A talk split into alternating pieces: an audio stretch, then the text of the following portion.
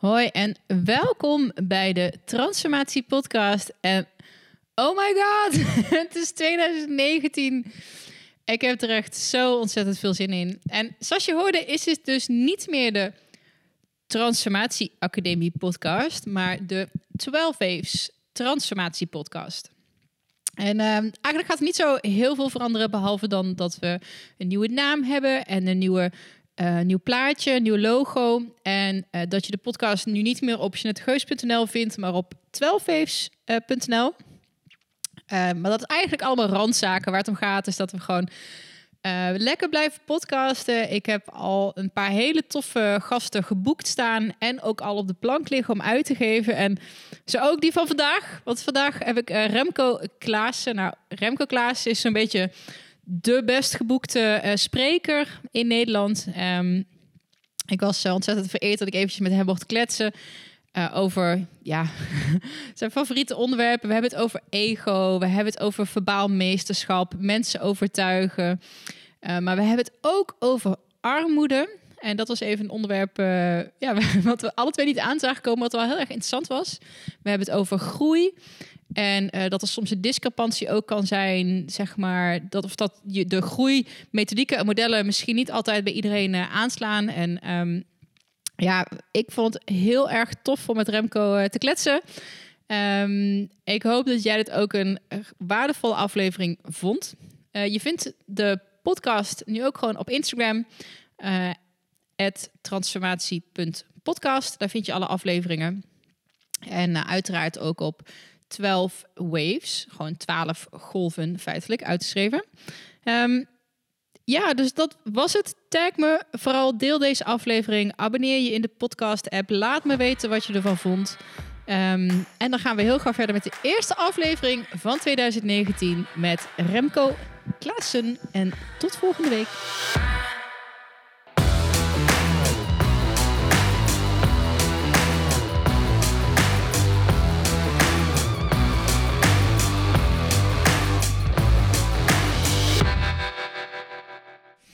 Hey Remco, tof dat je even tijd voor me had dat ik hier mocht zijn. Uniek zo. Ja. Dit. Oké. Okay. Uh... We zitten allebei met de microfoon. Dat ik ga heel even dubbelchecken. Okay. Ja, want we was een beetje vliegende start, maar alles loopt. Dus, uh, maar ik ga gewoon voor de relaxed. Dus uh, ja? Leef, ja nee, ik ben echt niet gewend zo'n ding. Ik heb altijd uh, madonnetjes, ja. omdat ik nogal bewegelijk ben. Ja. Dus dit is van eventjes artiestengevoel. Ja. Oh. Als je nog improvisaties en imitaties wil doen, dan is okay. dit dan... Nee, nee, dan laten we het bij Remco houden vandaag. okay. Het is genoeg. Um, ja, je vroeg net al eigenlijk van... Goh, weet je wel, gaan we niet weer het gebaande pad... voor hoe ben je ja. geworden zoals je bent geworden? Nou, dat was ik eigenlijk ook yes. niet niet van plan. Oké, daar ben ik er blij om. Wil je jezelf wel eventjes voorstellen? Uh, ja, Remco Klaas, uh, trainer, spreker, schrijver. Uh, grootste dief van Nederland, durf ik te zeggen, op het gebied van leiderschap, persoonlijke ontwikkeling en communicatie. Dus eigenlijk iedere goeroe op de wereld die meer dan 5 miljoen boeken verkoopt, vlieg ik in zijn nek, pluk ik kaal en praat ik door. Dus ik, ik hou van verzamelen. Ik vind de mens ultiem interessant. En uh, in het verzamelen komt iedere keer ook de behoefte om het door te praten. Dus uh, ja, bizar weinig eigenlijk van mezelf. Maar ik maak wel veel fusiemodellen. Dus yeah. al dingen uit de hypnose, uit de reiki, uit de, gewoon de wetenschap. En maak daar mooie laagdrempelige modellen van. Ja. En jezelf van ik... Uh het is een vergaarbak van allerlei ja. inspiratiebronnen die mij hebben ge geholpen. Yes, yes. Kan je daar iets pinpointen voor gaan? Dit is bij mij echt wel op stip uh, de grootste inspiratie geweest. Ik heb flinke klap van de molenwiek gehad in de beginjaren van Stephen Covey, de, de Seven Habits. En Principles Centered Leadership en Speed of Trust dat is ook niet vreemd, want de Seven Habits heb ik mogen leren van Covey, is ook een verzameling op zich. Dus hij is ook begonnen als grote dief. Hij heeft uh, uh, ooit een opdracht gekregen, volgens mij, van Andrew Carnegie, een staalmagnaat, over kun jij de laatste 100, 150 jaar corporate of personal development screenen? Wat heeft gewerkt, wat heeft het dan destijds overleefd? En daar is hij, als ik uh, goed ben ingelicht, op gepromoveerd. Dus Dr. Stephen Covey. Dus hij is ook een verzamelaar geweest. Yeah. En hij heeft dat ingedikt tot dat mooie zandlopermodel met, met die zeven habits. En dus dat is een van de eerste. Maar daarna, jezus, eh, Marshall Goldsmith ben ik enorm fan van. Eh, eh, Tom Peters, Michael Porter, Tony Robbins in de beginjaren veel aan gehad. Maar ook Eckhart Tolle, eh, Sam Harris. Ik ben helemaal verliefd van. Ja, ja. Ehm, eh, neurofysiologie en neuropsychologie. Mensen als Jelle Jolles en Margriet Sitskorn. eh eh, Dickie Schwab, Erik Scherder. Alles wat voorbij komt en iets heeft te vertellen over waarom de mens doet wat hij doet. En hoe we dat kunnen verbeteren, dat vind ik, vind ik interessant. Ja. Dus, Hoe, want volgens mij ben je reet druk. Hoe, ja. heb je nog wel tijd ook om, om Ja. zelf dat soort dingen te lezen en te doen en te bezoeken? Ja. Want ik, kan ik ontvaar daar zelf al een klein beetje een spanningsveld tussen. Ik wil ik niet werk weten eh, maar tien maanden eigenlijk. Eh, omdat ik in heel, eh, heel vaak in hotels zit. Ik vertrouw Slanswegen niet. Dus elke keer als ik een optreden heb, ergens slaap ik al op de locatie. Dat vind ik, dan heb ik mijn hoofd lekker rustig en dan kan ik ook genieten van, van de opdracht. Als je in, in de file zit en je zit al eh, met, met stress in je lijf je moet daar de bühne op, dat, dat werkt niet. Dus ik zit zo'n 100, 110 nachtjes per jaar in hotelletjes. En eh, om dat te compenseren heb ik alle schoolvakanties vrij. Dus eh, zes, zeven weken grote vakantie. Wat hebben we? Eén of twee weken mei, krokus, herfst, kerst. Dus ehm, op zich denk ik dat ik meer thuis ben dan de meeste vaders. Alhoewel ik dus wel een derde van het jaar in een hotelletje slaap. Ja. Maar goed, dat is ja, ter compensatie. Eh, op het gebied van eh, weer boeken lezen, trainingen volgen of, Mm. naar, of naar andermans podcast luisteren. Sam Harris heeft natuurlijk ook een prachtige podcast. Ja, nee, ik ben nog, nog niet ingehaakt op het podcast eh, eh, platform. Ik zit graag met muziek in de auto en met stand-up comedy, comedians. Ja. En, ehm, maar ja, misschien is het wel leuk om er eens aan te beginnen, want Sam Harris vind ik wel erg gaaf. Ja, dat is een hele fijne podcast om naar te luisteren. Ja, en is, sowieso eh, heel veel stand-up comedians hebben een eigen podcast. Oké, ook en dat al. is dan niet lachen, gieren, brullen. Maar dat is wel iets wat komieken, denk ik, eh, overeen hebben. Het zijn hele scherpe geesten. En die hebben vaak Ja. net een andere manier om naar de, naar de werkelijkheid te kijken. En like. vragen Vaak wat mijn manier. Dus ik heb heel veel herkenning in dat segment. eh. ja, ja, ook qua Jim- stijl. Ik ben helemaal fan van Jim Jeffries bijvoorbeeld en Billy Connolly en Eddie Izzard. Op een of andere manier denk ik dat ook het, het eh, taalgebruik van mij... Ik- vorige week had ik een lezing, er zei iemand die was eh, fucking en fucking aan het tellen. ik, ben, eh, ik was er nauwelijks van bewust hoe vaak het gebeurt, maar ik doe dat fucking vaak volgens mij. ja, Die, eh, fucking vaak. fucking vaak. Dus ik heb wel wat ja, cabareteske stijl in mijn lijf. Ja, het is natuurlijk ook wel je stijl en jouw, jouw unique selling point, zeg maar. Volgens mij in een wereld waar er ontzettend veel Mm. Maar gedaan wordt. Unique selling point, dan lijkt het of het strategisch is. Het dus, eh, en zo misschien ik juist omdat het niet strategisch is. Laat ik het Ik zo denk zeggen. precies, Ja. dat, dat heb ik liever. De- ik had een paar jaar geleden, was een vriend van mij naar een lezing mee. Eh, die wist ongeveer wel wat ik deed, maar die, die zag eh, bepaalde dingen veranderen in mijn leven. Bijvoorbeeld auto's. Hij zei, dat kan helemaal niet, man. Je, bent, je zegt dat je leraar bent, maar dat kan helemaal niet met wat je rijdt. Ik zei, nou kom ik er mee. En toen hadden we een signeersessie daarna. En hij, was, hij stond in de buurt eh, over mij te praten. En ik weet zeker dat hij niet wist dat ik luisterde. Dus toen was het lekker puur. Hij zei, die Klaasje, die is op de bühne net zo gek als thuis. En toen, dat deed iets met mij. Ik denk van, nou, dat is, dat is uiteindelijk ook mijn doel geweest. Ik wil mensen leren om in hun kracht te staan en authentiek te worden. En als ik op de bühne echt anders ben dan hoe ik thuis met mijn kinderen, met mijn vrouw en met mijn vrienden omga, dan speel ik dus een rol ergens. Ergo ben je ergens niet jezelf. Ja. Ergo denk ik dat je ergens energie kunt verliezen. Dus ik pas me een beetje aan. Ik heb vorige week een van de belangrijkste optredens in mijn leven gehad. Ik heb nog nooit zoveel tijd eh, en, eh, geïnvesteerd in anderhalf uur tekst. Ik had drie keer 30 minuten. Bij leraren maken het verschil in het Koningin Beatrix Theater. 900 plus eh, leerkrachten. En ehm, mijn agents en mijn denktank eh vinden het heerlijk hoe ik presenteer. Maar ze zei, doe nou even rustig. Begin nou niet meteen met eh, gestrekte benen erin. Dus eh, mijn stijl vergt ook een beetje connectie. Dus ik heb bepaalde technieken om met een zaal wat, wat ja, een, beetje, een beetje smeuig te worden, een beetje los. Maar als je van die korte momentjes hebt, dan is het heel lastig om trust, om, om een stuk vertrouwen te creëren. Dus toen ben ik er voor het eerst wat, wat minder eh, eh, hard ingegaan. En gelukkig maar, want het is een hele, hele leuke dag geworden. En ik ben al jaren aan het zoeken naar een opening in het onderwijs. voor zowel leiderschapsinzichten en ecologie, maar ook het verbale meesterschap. En, Mm. eh, het ziet ernaar uit dat het gelukt is. Het was erg gaaf. ja. Ja, mooi. Er zijn een paar dingetjes waar ik op in wil Ja, eh, ja, springen. sorry. Kan me maar af. Hè. Ik bedoel, ik ben nee, niet, spreker, helemaal eh, niet, niet alleen spreker niet. van beroep. Ik vind het heerlijk om te ouwe horen. Dus eh, hou me tegen. Nee, helemaal niet. Juist niet. Ik moedig het aan. Eh, het, is, het zal niet de eerste keer zijn dat ik denk... Weet je, ik heb echt een paar vragen voorbereid... of een paar, eigenlijk wat dingetjes meegenomen... dat ik Go. er totaal niet naartoe kom. Omdat ik gewoon Ja, I know, the, I know the feeling. Nee, eh, je zei verbaal meesterschappen. Dat is het eerste boek van jou wat ik gelezen heb. Jij dat? Eh, ja, was ik dat enige boek? Dat ja, ene ik heb er jij twee verkocht. Ja, Eén ja, ja. eh, heeft ons mam. En dan heb jij die andere. Wat gaaf. Ehm, het was echt een enorme eye-opener. En de keer daarna dat ik een lezing gaf, heb je me wel echt behoorlijk in de war geschopt. Want dan ben je heel erg met het vormpje bezig. En gelukkig was de inhoud echt wel... Hè, dat zat erin. Het was niet Ja. een onderwerp wat ik voor de eerste keer deed. Mhm. Ehm, maar dat spelen met vorm-inhoud... Jij was degene die, waar ik het voor de eerste keer... Waar, waar, waar het bij me binnenkwam. Zo van, oh ja, daar zit een verschil tussen.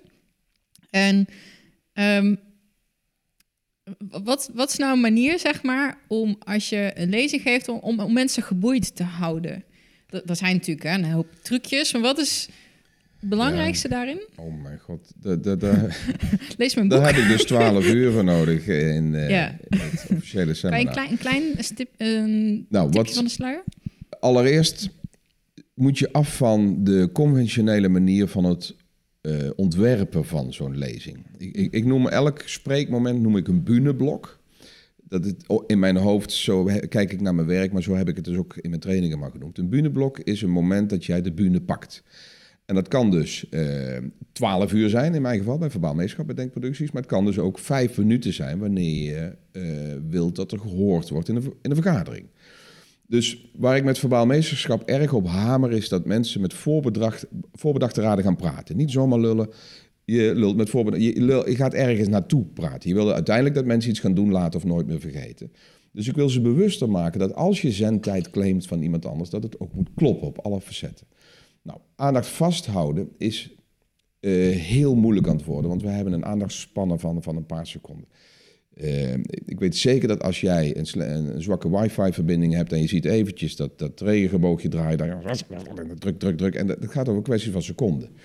Dus het is zaak om te, te pakken, te lokken en in die tijd dat je lokt zoveel mogelijk schade aan te richten. En schade is dat mensen dus ja, jou blijven herinneren. Nou, eh, de conventionele manier van het opbouwen van een bühneblok is content-dominant. Mensen schudden hun hoofd leeg en structureren dat in PowerPoint-presentaties of dat soort gedoe. En dat is content-dominant. Nou, mensen kunnen dat niet aan, dus je moet eigenlijk belevingsdominant gaan worden, vormdominant. Een easy way is eh, storytelling. Mensen zijn suckers voor stories, dus probeer niet heel veel data in je verhaal te doen, maar de verhalen achter de data. Net zoals een onderzoeksjournalist, zou zeggen, oké, dit zijn de feiten, maar wat zit er achter de feiten? Waar was jij om zeven uur en wat gebeurde er toen? En dat maakt al dat je van de tien sheets er acht kunt weggooien en daar verhalen voor terug kunt brengen. Dus verhalen hebben een, de neiging om mensen te blijven boeien. En voor de rest heb je nog een hele hoop techniekjes om die verhalen op te leuken en, en ze nu dan haakjes te slaan. Eh, heel veel vragen stellen van, oké, waar zijn we nu mee bezig? Ik heb nu dit veranderd. Hoe kunnen wij er nou voor zorgen dat we... En dan, dat zijn in principe loze zinnen, maar die maken dat mensen weer harder eh, eh, naar, gefocust worden. Ja. Dus hoger op, je, op de aandacht zitten. Ja, en anders kijk, 16 andere technieken nou, weet je, wat, de, de reden ook dat ik het vroeg, is dat niet iedereen die luistert, die geeft lezing of die geeft presentaties. Maar ik weet zeker dat er ehm, Iedereen elementen, elementen zijn die jij als spreker, waar, Ja. waar de leek wat aan heeft in zijn Amen, dagelijks leven. amen. Ja. Wat ik heb verzameld door de jaren heen is schaalbaar. Dus of je nou in een theater staat met duizend man... of je bent met een klant een pitch aan het doen... of een coachingsgesprek... of je zit in een vergadering met vier, vijf Met je mensen... schoonfamilie wil je iets duidelijk maken. Juist met je schoven. In ehm, alle lagen, du moment dat er een levend persoon in jouw buurt zit, werken deze technieken. Dus ehm, ik vind het heerlijk om mensen die niet in mijn vak willen, toch met dezelfde technieken te bes- besmetten. Want je wil ook in een vergadering, als je een punt wil maken, gehoord worden. En En dan werken eigenlijk dezelfde techniek. Dus niet meteen content dominant proberen te sproeien eh, met je data. Maar ook in een vergadering kun je zeggen van... oké, wat is nou het ergste wat wij de laatste tijd meemaken? Hoe kan het nou zijn dat wij X, Y, Z? En welke stappen?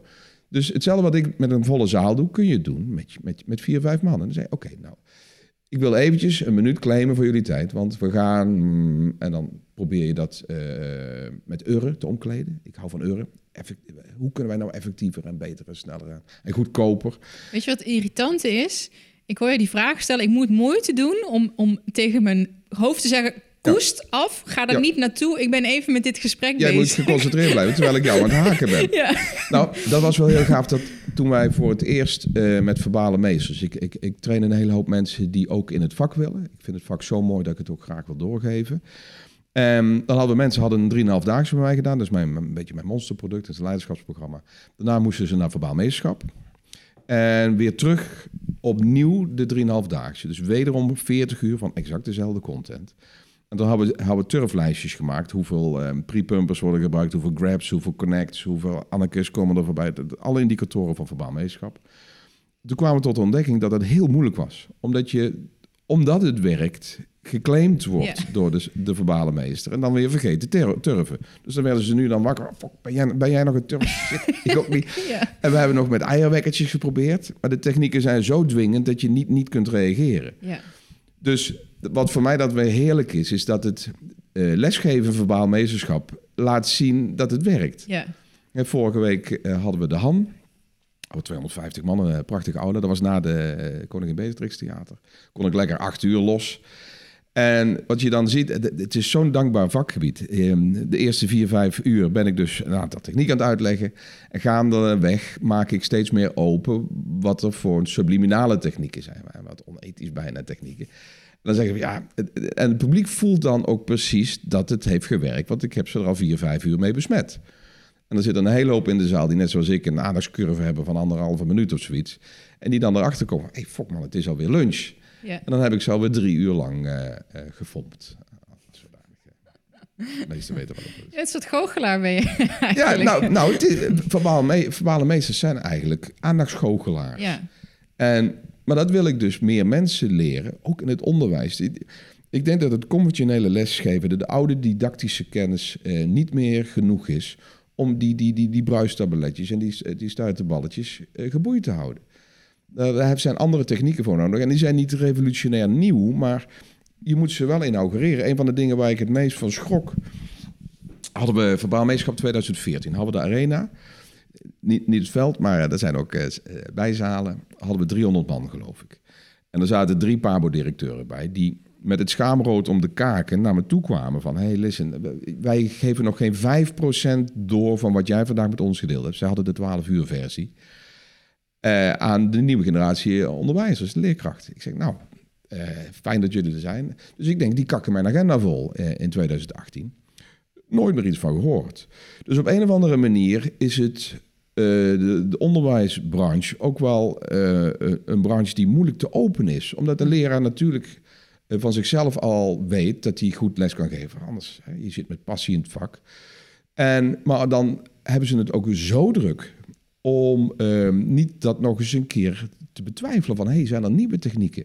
Op een of andere manier is dat heel moeilijk openen. Ja, ik, kom, ik heb zelf vijf jaar in het HBO gezeten. Ah, oh. Niet, niet, niet super lang, maar lang genoeg om, om een beetje daar een feeling ook bij te hebben. Lesgevend of? Ja, Oké. ja, ja. Spannend. Ja, vooral omdat ik onderzoeksvakken gaf op een toeristische opleiding, een management, uh, toerisme management opleiding. En ATV? Ja. Ah. Ja. Ja, Mijn oudste dochter afgestudeerd. Oh, echt? Waar? Welke uh, academie? Breda, uh, tijd, hotelschool, International Management. Ja, nou, dat soort studenten die zitten alles behalve te wachten op een les data-analyse, SPSS, marktonderzoek. Ja, dat mag je gewoon zeggen hoor, dat vinden ze verschrikkelijk. Ja? dat okay. weet ik. um, ja, ik, het hele, dan denk ik, ja, het is heel makkelijk om te vervallen in, oh, een nieuwe techniek, een mooiere Prezi of PowerPoint of een interact, meer interactieve vorm, meer opdrachten. Ja. Terwijl, dat besef ik me nu pas, het stukje verbaal meesterschap, je hoeft de, de inhoud niet te vernieuwen. Je moet gewoon zorgen dat het in de... Vorm ja, over inhoud, ja, absoluut. Ja, en dus niet uh, mooiere plaatjes. En of- het is niet moeilijker. Ik ben er heilig van overtuigd. En eh, heel veel mensen die met verbaalmeeschap begaan zijn eh, met mij, dat het niet revolutionaire eh, technieken zijn die heel veel training vergt. Het is gewoon even anders. Een heel simpel dingetje als de eh, tijdslijnen, heb je gelezen. Hè? We hebben in ons lijf een bepaald lichamelijk richtingsgevoel. Ja. Dus eh, Achter, toekomst. Is, ja, ja. nou precies. En dat, dat is eh, niet noodzakelijk dat je dat snapt. Maar ik vind dat je als verbale meester er alles aan moet doen om te zorgen dat niet het publiek moet werken om het om te klappen naar zijn of eigen richting, maar dat jij dat moet doen. Ja. Dus als ik praat over onze toekomst en dat we vorderen ergens naartoe, dan praat ik altijd naar het publiek toe. Dit is toekomst voor het publiek. En daar zit verleden. Terwijl het voor mij is dit de toekomst. Ja. En daar het verleden. En dan zeggen ze, van, ja, dat is onnatuurlijk. En het gaat er natuurlijk om, je wil zo natuurlijk mogelijk presenteren. Nou, ik geloof heilig in authenticiteit, maar daaroverheen kun je talen leren. Dus als je op vakantie gaat naar een ander land en je komt dan tegemoet aan de taal of de waarden en normen al daar, verlies je dan aldoende je eigen identiteit. Nou, dat is nee. Je wil gewoon een fijne vakantie. Je gaat met respect om bij het, bij het land waar je, wat je eh, bezoekt. Dus ik zie verbaal meesterschap ook als een taallaag. Ik kan als Remco mezelf zijn op de bühne, maar ik spreek wel de taal die het vergt om het publiek iets te laten Ja. beleven. Dus ehm, dat, dat is gewoon Ja, te leren. je, je bent, eigenlijk is dat het archetype van de artiest, zeg maar. En de artiest is bezig met niet vermaak, maar ook gewoon boeien. Hm? En de archetype van de docent of zo, die ook heel erg kennisgedreven is en wil overdragen. En, en daar een soort van samensmelting voor zoeken of zo. Ja, Ja, ja. Ja oh, dat was even... nou, nou, ja, goede opmerking. Was niet even gevraagd. Hè, dus ik, eh, Sorry. goeie. Ehm, oh, dan ben ik kwijt wat ik net wilde. Ehm, Even niks. wat is... Nou ja, nee. Ik heb dat... Je, eh, is het het laatste boek, Ik? Is dat het, het Nee, nieuwste? ik heb ik geschreven met uh, Maite Brouwen. Dat was de eerste. Wij eh, over sociale slagkracht. Dus eerst best uit jezelf, best uit je omgeving. Toen verbaal meesterschap. Er zitten nog wat derivaten omheen ehm, vanuit de uitgever. Spreken met impact. Dat is een samenvatting van verbaal meesterschap. Ik heb Ik Wij het omdraaiboek. Ehm, mijn laatste bijdrage aan, ehm, eh, eh, in het schrijven is met eh, Marinka Lipsjes. Een socioloog, die heeft een boek geschreven over moed. En die heeft gevraagd of ik daaraan bij wil dragen. En dat is een ontzettend leuk project geworden. Het begon eigenlijk met een quote of een voorwoord en toen werd het een hoofdstuk en toen heb ik een derde geschreven. En dat is Toen dus kwam niet je hoofd op de cover en zei, kom maar. Ja, hebben we samen, samen een mooi boek gemaakt. Ehm, maar dat is dus een co-productie. Ja. Ik ben, in mijn hoofd is wel weer onrustig. Misschien dat er nog een zesde of een eh, boek komt, maar eh, Wat, wat is nou... Heb je een favoriet onderwerp? Of, of evalueert dat, zeg maar, de loop van de jaren? nee. Nou, dit, eigenlijk wat, wat het het meest bindt bij elkaar, want ik zit op het... eh, tussen haakjes, mijn bekendheid zit meer op, op leiderschap. Dus persoonlijk leiderschap en publiek leiderschap. Hoe haal je het best uit jezelf en je omgeving? Toen is, daar zit persoonlijke ontwikkeling eigenlijk dwars doorheen. En, en communicatie is later pas gekomen, omdat de manier waarop ik lesgeef interessant werd voor een aantal eh, uitgevers en eh, denkproducties en focus eh, learning journeys. Die zeiden van, hey, jij doet het op een dusdanige manier dat jouw publiek meer in de war is dan bij andere trainers. Hoe, hoe doe je dat? Dus toen is langzaam de hobby ontstaan die onder leiderschap en persoonlijke ontwikkeling en zelfs communicatie ligt. En dat is invloed en beïnvloeding. Ja. Dus ehm, dat, dat is wel iets waar ik zwaar door uit de bocht ben gegaan. Dus ook neurofysiologie ben gaan doen, neuropsychologie. Om alle facetten van hoe je een mens kunt beïnvloeden te kunnen snappen. En dan weer om te zetten in bouwstenen waar iedereen mee aan de slag kan. Ja. Dus invloed en beïnvloeding is de grote ehm, bindende denominator, Ja. denk ik. Het linkje wat ik net eh, wilde maken, wat ik heel eventjes kwijt was. Oh. Ik vind... nee, nee, nee. Eh, de technieken van zeg maar een, een publiek meenemen, beïnvloeden. Ik vind het heel erg interessant hoe je dat zou kunnen vertalen naar jezelf beïnvloeden en jezelf veranderen. Oké. Eh, want je zei van hè, dat, dat stellen van die vragen bijvoorbeeld, om men, waar ik door ik ook eventjes off track was. Ehm, is dat ook iets waar je mensen, of waar je, waar je, ehm, waar je een bepaalde kijk op? Snap je wat ik bedoel? Dus jezelf vragen gaan stellen, of jezelf bij de les Ja. jezelf herprogrammeren om, om Nou, ze- ja. dat, dat is de basis geweest van waar dit allemaal uit ontsproten is. De, de, ehm, kijk, Covey heeft het op een gegeven moment over seek first to understand then to be understood. Zijn, zijn vijfde habit. Over begripsvorming voordat je met anderen kunt gaan groeien naar synergie en, en, en win-win en noem maar op. Ehm, als je leert, probeert te snappen wat anderen nodig hebben, is dat eigenlijk dezelfde exercitie die je doet voordat je begint met persoonlijk leiderschap. Dan moet je kijken wie jij bent en wat je wil. Ja. Een, een van mijn belangrijkste eh, rode draden in mijn programma's is dat je niks en niemand de schuld kunt geven van je eigen succes of falen. Anders dan jezelf. Je bent gevolg van je vorige stap je wordt gevolg van je nieuwe stap. Die vraag heb jij heel vaak gezegd. Die, die, die zit er wel een beetje in bij mij. Dus voordat je richting nieuw gedrag groeit, is het handig dat je weet waar dat gedrag naar moet leiden. Hetzelfde als je een huis bouwt, dan ga je niet zomaar stenen stapelen. Je wil weten hoe het er uiteindelijk uit moet komen eh, te zien. Dus persoonlijk leiderschap wil zeggen dat je een, een zeer zorgvuldige introspectieve periode moet doen. Eh, egocentrisch, ik vind egocentrisme een fantastisch woord. Het heeft een nare connotatie gekregen in de Nederlandse taal. Maar je ego dermate centraal stellen dat je een, product ma een project maakt van je eigen leven. Dat is zeer fundamenteel. Ja. Mensen die niet egocentrisch genoeg zijn, hebben de kans dat ze onderdeel worden van andermans plannen. Dat is ook een zin die ik graag gebruik. Als je geen plan maakt voor je eigen leven, word je ingezet in andermans plannen. Dus... ehm ik ben dus nu de vraag kwijt. Oh,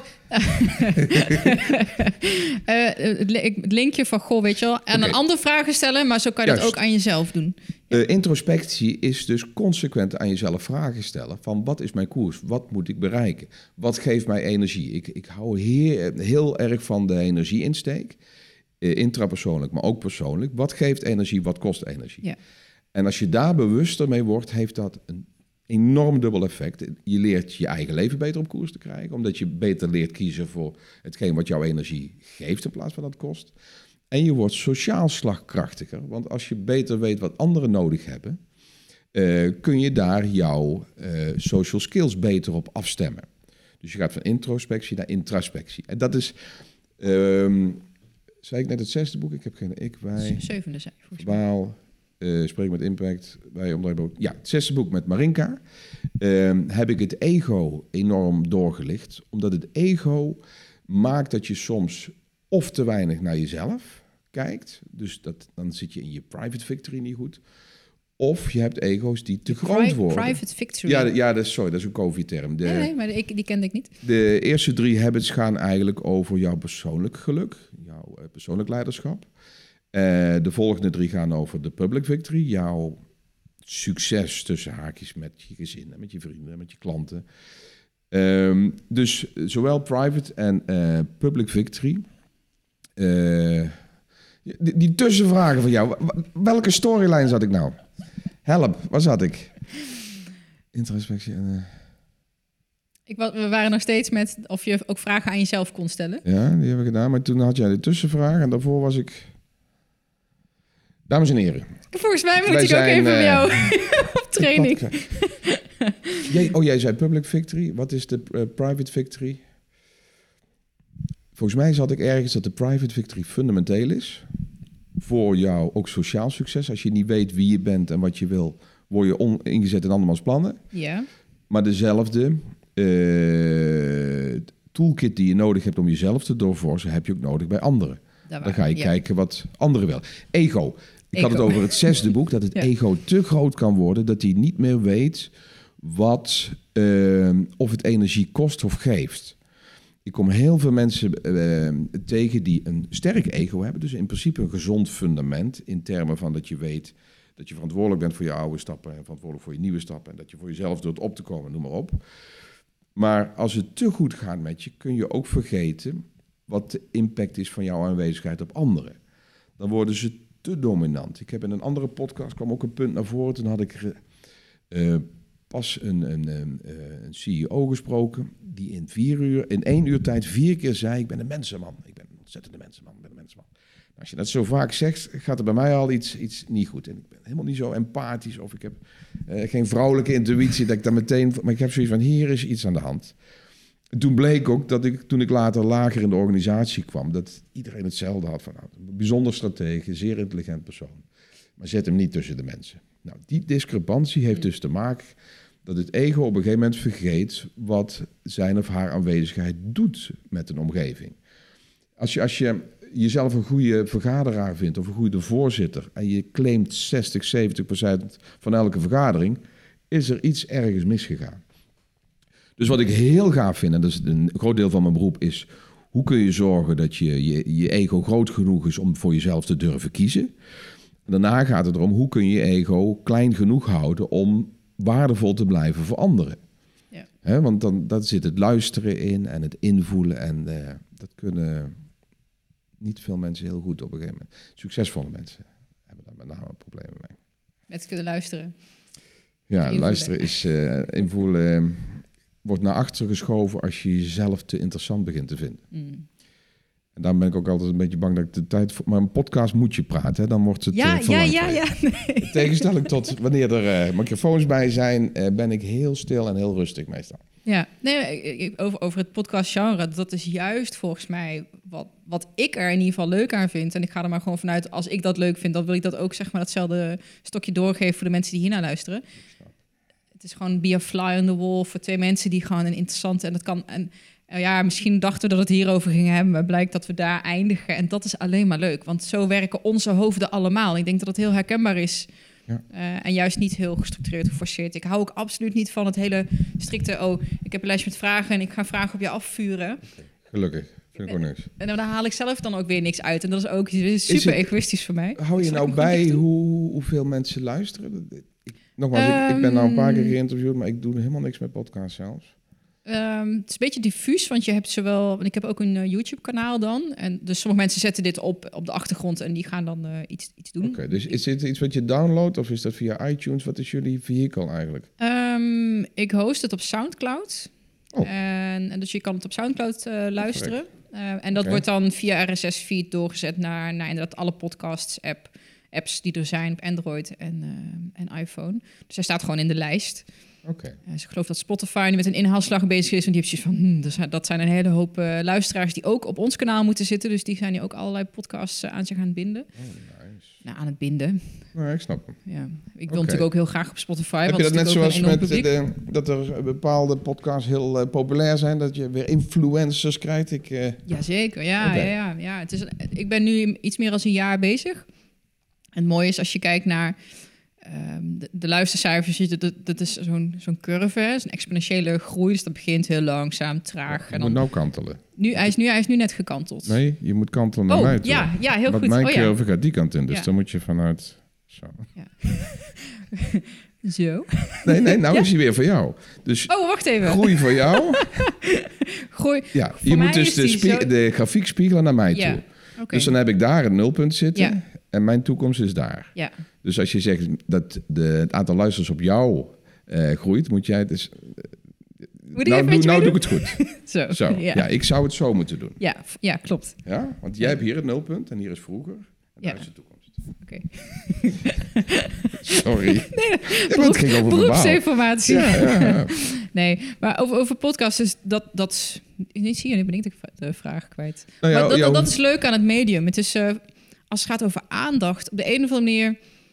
Het is en dat je niet in een dwangbuis wil van het, het standaard eh, media format. Dat moet snel en flashy en snappy. En eh, ik ben bijvoorbeeld zelf nu een paar keer geïnterviewd over microdoseren of over ayahuasca. Dat zijn onderwerpen waar je niet even twee minuten de tijd voor wil hebben, want dat gaat het onderuit halen. En, ehm, de, en waarom is podcast fijn? Niemand vertelt mij wat ik moet doen, eh, hoe ik dat moet doen, waarom ik dat moet doen. Ik heb alle tijd om iedereen, eh, met iedereen rond de tafel te gaan zitten waar ik graag eens mee zou willen praten. Tadaa. en ik vind het zo grappig dat aan de ene kant zeggen van ja, onze aandachtscurve is zo kort. En weet je, de Insta-stories 15 seconden, dat lukt nog net. Maar aan de andere kant genieten mensen van een podcast van een uur, twee uur. En, eh, Joe Rogan, die maakt er gewoon vier uur van. En Sam Harris ook ruim twee uur. Ik denk, vind ik wel interessant, zo van dat die twee tegelijkertijd bestaan. Check jij ook wie wordt afgeluisterd en hoe dat dan komt? Word YouTube kan dat eh, zien. Ik kan dat niet in de cijfers zien van eh, Soundcloud. Dus hoe, op welk percentage? Want dat is weer leuk vanuit een verbaal meesterschapsperspectief. Welke mensen zijn in staat om eh, te zorgen dat je niet ophangt? Ja. Ophangt. En dat is natuurlijk lastig, hè? want je weet het niet bij YouTube. Voor hetzelfde heeft iemand maar even een kwartiertje in zijn pauze. Je weet niet waarom iemand Ja. uitschakelt of niet. Ja, maar dan zou je moeten checken of hij weer met eenzelfde IP-adres weer inlogt en het afmaakt. Ja, maar je zou bijvoorbeeld wel, ik ben, hè, daar komt mijn onderzoeksberoepsdeformatie. Je zou mensen een tijdje kunnen volgen en kijken of ze inderdaad eh, afleveringen afkijken, luisteren. Ik weet wel, bijvoorbeeld Jan Geurts, maar dat is denk ik ook een iets ander publiek misschien, of een wat ouder publiek. eh, die zijn interviews kijkt, die wordt meer of is langer bekeken dan alle andere. Op Jan YouTube Geurts? dan, hè? Dus het. eh Oké, Jan- nee? sorry. Oh, dan ga ik vrijdag toevallig voor ik de ben nog tweede niet keer. Ingehoekt op, op dat segment. Maar dat- Ja. Jan Geurts is zelf ook schrijver, onderzoeker. Ja, sch- eh, schrijver. Volgens mij heeft hij ook iets van zeven boeken. Eh, de verslaving voorbij, daar begon het mee. Waarin hij, daar gaat het nog over. Misschien dat ik hem wel ken trouwens. Hij is nu wat eh, op leeftijd. Hij geeft ook jaarprogramma's over ja, meditatie. Is echt zijn ding, dat Dzogchen meditatie. Ik zal hem eens bekijken. ja, zeg maar dat ik je gestuurd heb. Nee. Ja, ik ga de groeten van Jeanette. Ja. eh, Oh, die. Oh ja, nee hoor, helemaal niet. Ehm, ja, eh, het woord energie is een paar keer aan bod gekomen. En ik moet heel eerlijk bekennen, ik heb ik nog niet helemaal gelezen. Ehm, ik had er wel een vraag over. Op een gegeven moment zit er, eh, is er een, eh, een casus, een voorbeeld over... Ik vind het heel mooi dat energie meten. Gewoon meet vooraf aan een activiteit. Hoe voel ik me hierbij? Geeft dit me energie of niet? ja, tijdens voor, een activiteit de en na. Ja, Eh, de energiecoach. kwispeldiagnostiek. Ik- Oeh, dat woord had ik nog niet voorbij zien komen. Yes, Misschien kan dat later. Ja. Ehm, ook, op, weet je, dat is iets... Ja, veel mensen die luisteren, ik hoor het wel als die, die in een burn-out zitten... of weten dat ze iets anders moeten doen. Of, nou goed, Ja. weet je, mensen luisteren naar een podcast over persoonlijke ontwikkeling... omdat het iets is wat voor hun op dat moment relevant is. En de vraag die ik heb, dan denk ik, ja, weet je, in, de, in het voorbeeldje heb je één meneer, zijn twee mensen die moeten een salesgesprek doen. En ik vond het herkenbaar ook voor mij, want ik moet ook salesgesprekken doen. De ene die kijkt er heel erg naar uit en denkt, oh, leuk gesprek, nieuwe kansen. Maar het gesprek loopt niet zo lekker en achteraf voelt ze zich ontzettend rot. En eh, ik zit meer in de tweede groep. Ik vind het spannend, een beetje vooraf. In het gesprek ben ik helemaal in flow, tijds kwijt. Iedereen vindt het fantastisch geweldig. En achteraf, eh, King of the World, iedereen koopt, Ja. iedereen blij. Ja. Ehm, en het werd een beetje als voorbeeld gegeven van... Goh, beide zitten ze niet helemaal op een plek. Is dat zo? Want eh, misschien... Je mag toch ook wel een beetje zenuwachtig zijn... of je oncomfortabel voelen of dingen spannend vinden. Is het dan... Snap je wat ik... Ja, vraag? Ehm, draineren je. Eh, dus dus ik, ik heb een paar interviews geleden vroeg iemand, ben je nog wel eens zenuwachtig voor een eh, spreekbeurt? Ehm, toen was ik wat aan het, aan het stotteren en dat kwam ook omdat ik het woord niet meer relateer aan mijn beroep. Of niet, nooit heb gerelateerd aan mijn beroep. Ik vind het zo interessant om over de mens te praten. En dan maakt het mij eigenlijk niet uit hoeveel mensen er zitten. Sterker nog, ik vind eh, boven de 100, boven de 500 makkelijker worden en leuker worden dan de- eronder. Dus nu ben je... Dit is dit extreem is voor oncomfortabel voor jou. Ja. Dit is echt eh, lastig. En eh, ik, ik merk ook dat ik in een vergadering binnen een uur compleet gedraineerd kan zijn aan energie. En dat ik ehm, twaalf uur lang op de bühne, dan ben ik te hyper om naar huis te gaan. ja. Als er ehm, zenuwen zijn die dus ehm, heel veel energie kosten. Want ik, ik heb wel een, een, een bepaalde spanning, een soort performance spanning. Maar dat is meer, ehm, het, is mooi omdat we nou in de, in de novembermaand zitten, meer Sinterklaas spanning. Van, oh, hij komt, ik mag, ik mag. Dus dan heb je een soort onrustige hond in de mand die weet dat hij mag, mag, mee mag wandelen, maar nog eventjes moet blijven zitten. Dat is ook spanning. Dat is, eh, maar dat is niet iets wat mij. Want zenuwen, stress die energie kost, haalt niet het beste in je naar voren. Dus in het voorbeeld wat jij zegt, dat eh, mensen in een sales traject kunnen ervaren dat ze uitkijken ernaartoe, het kan misgaan en daarna een rotgevoel, dan kunnen ze de vraag stellen van, hey, ik ben eh, tijdens en daarna verlies ik energie, is het beroep wel goed voor mij? Je moet uitkijken dat bepaalde dingen waar je geen grip op hebt, kunnen je energie eh, eh, kosten. Dus stel je hebt een zaal die niet lekker klikt op jou. Stel dat er een situatie is waar je energie verliest, dan moet je niet meteen denken dat dat beroep niet bij je past. Dan, kun je, moet, dan moet je gaan kijken van waar heb ik invloed op? Hoe kan ik het de volgende keer eh, veranderen? En dan word je langzaam beter. Persoonlijk leiderschap wil ook niet zeggen dat je 100% congruentie gaat bereiken. Dat altijd alles goed gaat. Ja.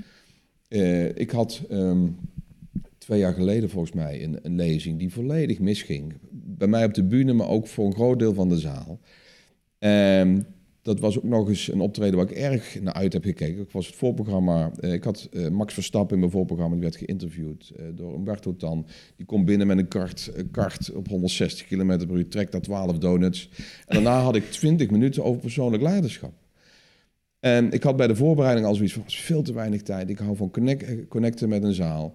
Dus het is me gelukt. Ik heb daar een performance gegeven, of voor zover gelukt. Maar er een hele mensen vonden het te dun. Maar dan zit je na Verstappen, 20 minuten en over persoonlijk leiderschap. Dus ehm, dat was niet fijn. Ik heb een rotgevoel aan overgehouden. Uh, ik vond het niet lekker gaan. Het heeft absoluut niet laten zien wat ik kan en wat ik uh, kan betekenen. Maar één zo'n deuk wil niet zeggen dat mijn kompasnaald moet veranderen. Dat was gewoon een opdracht waarvan ik nu zeker weet, ik moet nooit meer onder een uur. Mijn stijl als trainer, eh, ik ben niet voor de quick fix lenen. Ik krijg wel eens een vraagje van, kun jij bij de opening van ons uh, congres een kwartiertje doen? Nou, Sylvie is daar helemaal op ingewerkt. Standaard nee. Want mijn stijl vergt een bepaalde uh, cabareteske uh, ruimtesetting. Daarom zit ik ook vaak aan het einde van congressen, aan het einde van missiondagen, aan het einde van, van die groeps, van die inhoudstrajecten. Daarna kun je nog even lekker door, ik een borreltje. En dan heb ik tijd om wat te spelen met het publiek. Dus dan leer je meer over hoe iets moet, dan dat je je moet gaan twijfelen over wat je moet gaan doen. Yeah. Dus um, ik vind energiescreening een van de mooiste manieren om je, je kompas te blijven checken. Maar je moet niet bij elke tegenslag gaan twijfelen aan je koers. Dan zou ik eerder gaan kijken, wat kan ik verbeteren? Of wat moet ik niet doen? Ik moet geen korte lezingen doen. Het is me vorige week gelukt in het Beatrix Theater met die 900 leerkrachten. Maar daar heb ik echt heel veel tijd aan besteed. en heel goed eh, ondersteund door mijn, mijn denkteam. Um, en daar is drie keer een half uur gelukt. Maar hierna ga ik weer uh, opteren voor uh, minstens anderhalf uur. Dus ik vind je vraag heel relevant. Als mensen energiebewuster worden, uh, ga je, moet je niet bij elke deuk je kompasnaald in twijfel trekken. Leer dan hoe je het kunt verbeteren of wat misschien niet bij je past. Wat ik mooi vind ook in je verhaal, is wat ik eigenlijk ook hoor, zeg van hè, die zenuwen vooraf. Ik interpreteer dat als de hond die staat te ja, popelen. Ja. Oh, ik mag, ik mag, ik mag, ik mag, ik mag. Ik, mijn achtergrond is psychologie, ook de psychologische wetenschap. er zijn hele interessante onderzoeken waar ze mensen bijvoorbeeld adrenaline hebben ingespoten. En in verschillende settings hebben geplaatst. Uh, bijvoorbeeld de wachtkamer van de tandarts of zo. Ik weet de details niet, oh, maar je kan er een beetje een voorbeeld bij maken. De ene groep die zat bij de tandarts en de andere groep die had net een heel leuk gesprek met een studenten gehad, een aantrekkelijke dame gehad. Yes. Noem maar even wat. Maar hetzelfde lichamelijke stofje. Yes. En achteraf gevraagd wat hun stemming was. Ja. En de ene groep die was, was angstig en de andere groep die was verliefd. Kijk eens. Terwijl het biologisch gezien exact hetzelfde is. En ik denk, wat ik jou hoor zeggen van, ik ervaar ook die uh, spanning. Ja jouw hoofd heeft daar het labeltje opgeplakt. Oh, leuk. Ja, je kijkt er naar uit. Ja. En ik denk dat daar ook een shift te maken is voor sommige mensen. Tenzij je echt in het rood zit en je echt, zeg Ja. maar, totaal uh, in, de, in de panic zone zit. In de, in de zone van het voelt oncomfortabel, kan je ook een, een interpretatieshift maken misschien. Ehm, wat belangrijk is om te weten, is dat voordat je gaat groeien en bezig gaat met koers, is dat je ook moet weten. ehm, laat ik het anders aanvliegen. Ik heb wel eens in de beginjaren mensen proberen te helpen met groeitools, terwijl ze eerst hadden, eh, hadden moeten ruimen.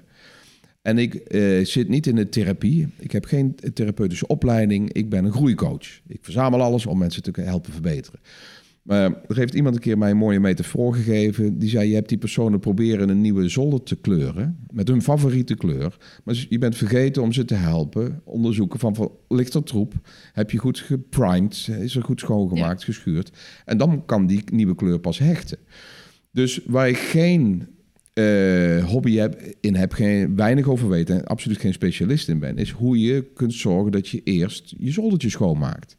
Want stel dat je eh, bezig gaat met persoonlijke groei en je gaat je koers bepalen, je hebt mooie dingen en het blijft maar niet vlotten, kunnen er misschien labeltjes zitten, die jij net beschreef, die niet, niet er horen. Als je een paar traumatische ervaringen hebt gehad, door een scheiding, een faillissement, door I don't know what, een ongeluk dus noods. En je hebt dat op een of andere manier hier gelinkt. En dat kan, eh, dat daardoor zorgt dat je nieuwe stappen geen energie geven. Wil dat nog steeds niet zeggen dat die nieuwe stappen niet bij je kunnen passen, maar dat je eerst eventjes wat connecties moet ruimen. Ja. Dus waar ik, eh, wat ik in de beginjaren fout heb gedaan, ook bijvoorbeeld thuis, is dat ik mensen te snel vanuit mijn passie ben gaan bestoken met groeitools, terwijl ze eerst ruimtools nodig hadden. Dus wat ik, ik wil de, de, de podcast niet te zwaar maken, maar stel dat je merkt dat het veranderen van je leven en het zoeken naar nieuwe energie moeizaam gaat, kan je eh, in de war raken doordat bepaalde dingen geen energie geven.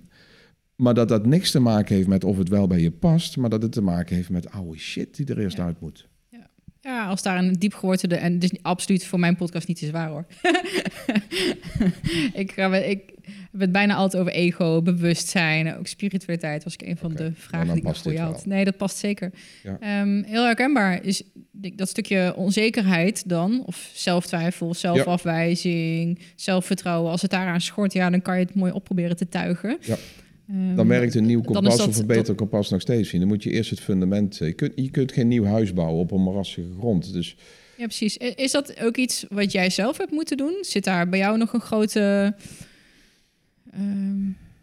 of of was jouw fundament altijd al redelijk sterk? ik ben heel vroeg begonnen met eh, mijn lol proberen te vertalen naar een beroep. Het is deels evolutionair zo gegaan, omdat ik gewoon zoveel energie kreeg van bepaalde activiteiten, dat ik, het was voor mij heel simpel en heel logisch om dat meer in mijn agenda te krijgen. Zo is dus ook langzaam mijn koers ontstaan. Dus, eh, en ik heb niet veel meegemaakt. Een fantastische opvoeding, eh, le- le- leuk verleden, eh, altijd vrienden gehad. Ik heb kanker gehad, dat was wel even schrikken, maar dat is ook alweer... Even kijken, Annemijn is nou 23, 23 jaar geleden en ik heb, zit inmiddels niet meer in de controlecycli. Dus eh, zelfs mijn laatste hypotheek is zonder enge clausules. Nou, als, als mijn Pearson denkt dat je het gaat redden, dan, dan is in de pocket. Then you're good, ja. Dus op dat, wat, het was wel een angstig eh, eh, gebeurtenis. Op dat na heb ik eigenlijk een groot deel van mijn leven het ontzettend naar mijn zin gehad. Dus ik heb niet hoeven ruimen. Ik ben alleen maar lol op lol op lol gaan ja stapelen. misschien dat je daarom voor jou dat, dat, dat, die fase van het opruimen... Jij, waarschijnlijk stond je daar gewoon helemaal niet bij stil. Zo Van, oh ja, Nee, ik heb Ja. weinig shit gehad. Ik ben met eigenwaarde opgegroeid. Eh, mijn ouders die applaudisseerden al bij de grootste drol die ik neerlegde. Alles werd, eh, ja... Dus het heeft me wel bewust gemaakt hoe groot de impact is van jou. eh, eh, eh, de rol van vader en moeder zijn op, op, op kinderen. Als je te veel een pushy parent bent of te veel gaat ga ervoor een succes. Ik heb een, ehm, eh, een ehm, kinderpsycholoog in mijn training gehad die die is ooit gepromoveerd op de correlatie push parents versus low self-esteem. Dus eh push parents, mensen die eh, hoog opgeleid zijn, succesvol zijn, eh, komen uit bloedlijnen van succesvolle advocaten, chirurgen, artsen. de- de racepaarden. En al die kinderen, hij was enorm geschrokken van zijn eigen onderzoek, hadden facetten van low self-esteem. En dat ze met name external driven hun beslissingen maakten. Om altijd maar te glanzen en te stralen. om niet onder te doen voor succesvolle pa en ma. Dus dat is ook weer een onderdeel van de leiderschapskennisdomein, wat ik steeds interessanter aan het vinden ben. Van wat is de, het effect van de, jong, de, de beïnvloeders eh, te- eh, op het moment dat je jong bent, dus onderwijzers Ja. en, en, en ouders. Ehm, als je niet genoeg weet hoe, hoe dat werkt, wat voor een impact dat heeft, dan heb je later enorm veel te ruimen. Dus, dus, dus Kan het, ik vraag me soms af, is het, kan je het overzien en kan je het goed doen als ouder? Volgens mij Nee, moet je het ook een beetje... Het is, ik heb het ooit al beschreven gehoord als een soort van karmische debt. Van, of nee, karmisch carvé, sorry. Het is, ja, je moet het doen, we weten, en we het weten is dat we eh, allemaal fouten maken. struikelend vorderen. Ja, Het is iedere keer voor, voor- vooruitvallen. Als ik, eh, ik kom iedere keer te laat achter dingen die ik had kunnen, had willen doen. Eh, ik vind het ontzettend moeilijk, want eh, ik heb dan eh 22 jaar die verzamelwoede gehad om het beste van de wereld eh, bij elkaar te harken. En als je ziet wat voor fouten ik heb gemaakt naar mijn partner toe, eh, naar mijn kinderen toe, eh, dat is echt gênant voor woorden. Dus eh, sterker nog, eh, ik denk dat ik voor een groot deel een, een eh, de oorzaak ben van de low self-esteem aspecten van eh, mijn vrouw en mijn kinderen. Ze hebben het allemaal, hè? dus ik zi- zit hier niet iets unieks te zeggen. Dat, dat, dat ik als een, iedereen heeft een effect op, op de kinderen en op de partner. En puur door het feit dat ik zo eh, eh, schijnbaar eh, gemakkelijk door het leven hobbel en alleen maar lol heb en succes, heeft gemaakt dat mijn kinderen een bepaalde standaard hebben gecreëerd. Van zo moeten we zijn, want zo, zo ben je gelukkig en we zien papa stralen en we moeten zijn zoals papa. Dus puur door het feit dat je enorm geniet van je beroep en daar ook de, de, de quote-unquote financiële componenten van eh, plezier aan hebt. Ik pot niet alles op, dus ik, de, de vakanties werden anders, de huizen werden anders, de ouders werden anders. Dan maak je dus een external driven eh, nest onder je. En ik weet niet wat ik had moeten doen met de kennis die ik nu heb. Eh, hè, hoe had ik dat meer te midden moeten beleven dan? Om niet de, de, de plank, de lat te hoog te leggen? Ik heb geen flauw idee, maar het blijft struikelend vorderen. Ik eh, vind het best wel frustrerend hier en daar. Nou, nou, misschien is het door mijn kijk op zeg maar, het universum. Weet je, je hebt, wat jij hebt gedaan is naar eer geweten het best wat je op dat moment had kunnen doen. En dat heeft ook alleen maar weer positieve eh, effecten daarna. Want misschien lijkt het in het moment, oh, het heeft low self-esteem. Maar wellicht zet het hun dan weer aan om hun eigen koers te kunnen varen. Hun eigen authent- authenticiteit te gaan zoeken. En, dus je, je weet het niet wat het op lange termijn voor effect heeft. Ik denk dat het uiteindelijk ook wel goed komt. Ja. En dat elk pad eh, ehm, de, de lessen geeft die je kunt gebruiken of Ja. moet gebruiken. Jij, jij bent een van hun lessen. Ja, Ja. ja. ja. Ja, en daarom dus het, het, het karmisch corvée. Volgens mij is dat wat we allemaal vroeg of laat met je eigen Ja. kinderen of andermans eh, of op een, in andere relaties tegenkomt. Ik, ik heb er ook geen weinig schuldgevoel bij. Omdat ja, een van jouw belangrijkste zinnen eh, is dat ik op dat moment deed wat ik dacht dat goed was. Ja. Dus ik voel me ook niet enorm bezwaard. Maar ik vind het, ja, ik, ik wil het zo graag goed doen voor ze, maar ik wil Ja. het ook graag naar anderen doorgeven. Dat de nieuwe papa's en mama's snappen wat het effect is op, op, op die kleine zieltjes als je bepaalde dingen roept. Ja. Hè, als je als opa je neus optrekt, als je Gordon ziet op tv, oh, vieze nicht. Dat een, een mannetje van negen die net begint te voelen, of 10, 11, van hé, hey, eh, ik vind meisjes en kleren en make-up. En dat die daardoor eh, misschien eh, vijf jaar langer in de kast blijft zitten, omdat opa de neus ophaalde. Ja.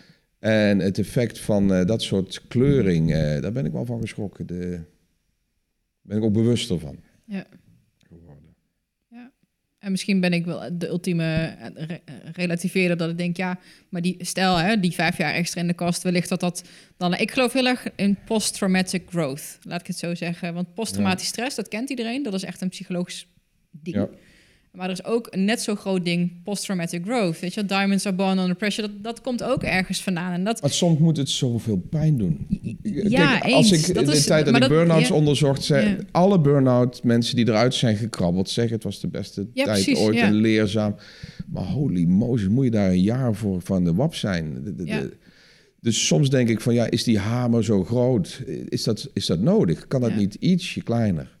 Want mensen gaan eh, best door, door, door eh, door ernstig lijden heen voordat Ja. ze hun groei pakken. ja, ja. En ik zou het graag wat, wat vloeiender maken. Wat, ik denk dat, dat de, de mindset, gewoon hoe je naar dingen kijkt... en dan maken we het bruggetje naar, weet je wel... hoe interpreteer je een spanning in je lijf als oh leuk of hoe ik vind het niet tof...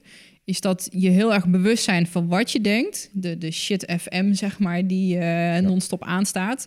Ja. Dat daar een stukje verlichting zit voor de, de lessen die je toch wel krijgt. eerder ingrijpen. We hadden vorige week een geweldige meeting. Ik, eh, Even iets dichterbij houden. ik zit in een eh, college van deskundigen. Dat is wel heel stoer. Eh, bij Invitra. We hebben een programma wat met name voor de blue collars heel erg interessant is. Ik heb twintig jaar white collars getraind. Ik wist helemaal niet dat dat zo werd genoemd. Maar de blue collars zijn overal de monteurs, Ja. chauffeurs. Geweldige markt. In dat college zit eh Tika van Vuren, eh, Hans Groothuis, daar zit eh, Adriaan Heino, maar ook Gabriel Antonio's, een maatje van mij. Wij doen eens in de twee, keer, twee jaar zitten, staan we samen op de bühne en doen we het leiderschapsseminar. En hij had een hele mooie over, hè, je hebt hier de as eh, van algemeen welbevinden, tijd Ja, je versus... doet het goed. Ja, ja, Ja, ja. Ja, dat zit er helemaal ingepakt. Dus ja. je hebt een bepaalde modus waar jij je lekker voelt. Ja. En soms kunnen er dingen misgaan, misgaan, misgaan, totdat je echt stress krijgt. En dan, nou, als je bewuster wordt, en hoe noemde het ging over eh, het onderzoekswerk van Frans Fluttert. Ik, ik moet het nog inlezen, ik heb net een mailtje gekregen van eh, Gabriel. Hij had het over vroege indicatoren. Dus, dus eigenlijk pijnprikkels die al jou doet eh, leren van... Hey, eh, er, er begint een bepaalde massa zich op te bouwen. Dan kun je voordat het echt een crisis wordt, kun je al ingrijpen en weer terugkomen. Dus iedereen heeft, op, een- heeft sub, een, eh, hele persoonlijke vroegindicatoren. Slecht slapen, vroeg wakker worden, eh, jeukplekken, psoriasis-achtige, de eczeemachtige dingen, hoofdpijn. Iedereen heeft zijn vroegindicatoren. Als je die beter leert inzien, hoeft de hamer niet zo groot te zijn om uiteindelijk dezelfde groei te kunnen creëren. Ja. Dus persoonlijk leiderschap, eh, heeft ook een therapeutisch aspect. Dat je beter in staat bent te snappen wanneer het dus misgaat. Wanneer je langzaam hufterig wordt, ook naar je omgeving. Ja. En dat je dan eerder kunt ingrijpen. Want eh, de- die, die, die karmische... Wat, wat, je had Karmisch corvée. fantastisch woord. Die ga ik ook gebruiken. Corvée-dienst, ja, het Eh, hoort erbij. Het hoeft niet eh, een enorme taakstraf te worden van een half jaar, dat Ja. corvée. Gewoon eerder leren inzien en dan ingrijpen. Dat zou ik zo mooi vinden. Ondraaglijk lijden, want vijf jaar in de kas is wel een nee, het- dingetje. hè? ik, eh, ik eh, chargeer ook bewust een beetje. ja, ja, ja. ja nou, ik ga daar lekker in mee. En dan, dan geven we de les mee van kijk uit dat te lang lijden. eh, je, je moet aan de bak. Ja. Opruimen en gas erop. Ja, en, en je bewustzijn dat hoe je naar de, boel kijkt en hoe je erover denkt, dat dat ook onderdeel is van, van je lijden. En wat ik, ik, ik vind dat fluttert, wat een fantastische naam voor een onderzoeker op dat thema, moet ik eerlijk zeggen. Frans Fluttert heet die volgens mij met een T. Volgens mij is dat de reden dat mensen in zo'n burn-out komen. Want je, je krijgt die duwtjes en die signalen en je voelt, oh, hier krijg ik energie van. Oh, hier loop ik echt op leeg. Maar de omgeving, iedereen verwacht van mij dat ik gewoon lekker door blijf hobbelen. Ja. Ehm, weet je wel? Prestatiestress. En, en dan sta je stil en dan lig je, lig je, ben je een Ja. jaar plat, bij wijze Of van spreken. gewoon echt geen uitweg zien van ja, als je eh, een alleenstaande moeder bent met een gezin en je moet twee banen draaien om gewoon alleen maar gas, water, licht te kunnen. Hè, en en je, je kinderen nog geen 25 euro over hebt om een klassenfeestje, hè, die Ja. schrijnende. Dan kan ik me voorstellen dat je in zo'n spagaat leeft van volledig gemangeld worden door het leven en niet in niet, geen keuze meer hebben om te werken aan groei, verbetering en herstel. Dus hè, ik zit dan in het groeisegment waar ik mensen help om het beste uit een organisatie, best het leven, team en noem maar op. Ehm, ik, ik kan me voorstellen dat het ontzettend frustrerend over kan komen als je echt rock bottom bent. Ja. Wat overigens niet maakt dat de theorie anders wordt. Sterker nog, hoe erger het gaat in je leven, hoe belangrijker het wordt dat je leert ontdekken wie je bent en wat je wil. Dus leiderschapswetten worden alleen maar ernstiger en belangrijker daar waar het misgaat. Maar het wordt niet, dit wordt niet makkelijk. Het is, geeft me ineens een ontzettende, ontzettend inzicht, wel heel persoonlijk, maar goed, daarom is het ook mijn podcast. dat ik nu pas zie dat de, de, de discrepantie voelt tussen mij en mijn vader. Maar je zei er ook, mijn vader leeft echt in de armoedecategorie. Ehm, Nou, lang verhaal, maar die- ja, hoe noem je dat? Schuldsanering, eh, ar- echt, echt het, het armoedetraject zit hij. Portemonneepijn. Echte portemonneepijn. Echt, ja, ook mentaal niet lekker. En dat het soms zo frustrerend is voor mij. Ik hou me echt met de groeithema's bezig. Ja. Dat daar een enorme disconnect zit. En nu denk ik ook waarom dat dat zo afketst. Omdat, omdat daar nog geen rijpe... Om, omdat Geen hij nog aan het ruimen is. Geen, Dat geen, geen voedingsbodem. Komt goed. Ja, je moet je gewoon mission denken vanuit overvloed. Ja, en, en- overvloedsdenken. Nee, dat is lekker. Als je de helft van je leven ik moet heel eerlijk bekennen dat ik Ja. dat, dat gesprek wel met hem heb gehad. Weet je wel. Ja, nee, het verschil tussen overvloed en liefde en schaarste en angst. En je moet denken vanuit overvloed. Je moet En dat- geven, pa. Abundance. Men- De abundance mentality. Ja, ja nee, Nee, dat, dat eh, is, dat ging eh, echt volledig... eh, en ik kan me wel voorstellen daarom dat dat blue-collar segment... De white collar is natuurlijk, weet je, de hoge opgeleide, de kantoorbanen, de kenniswerkers.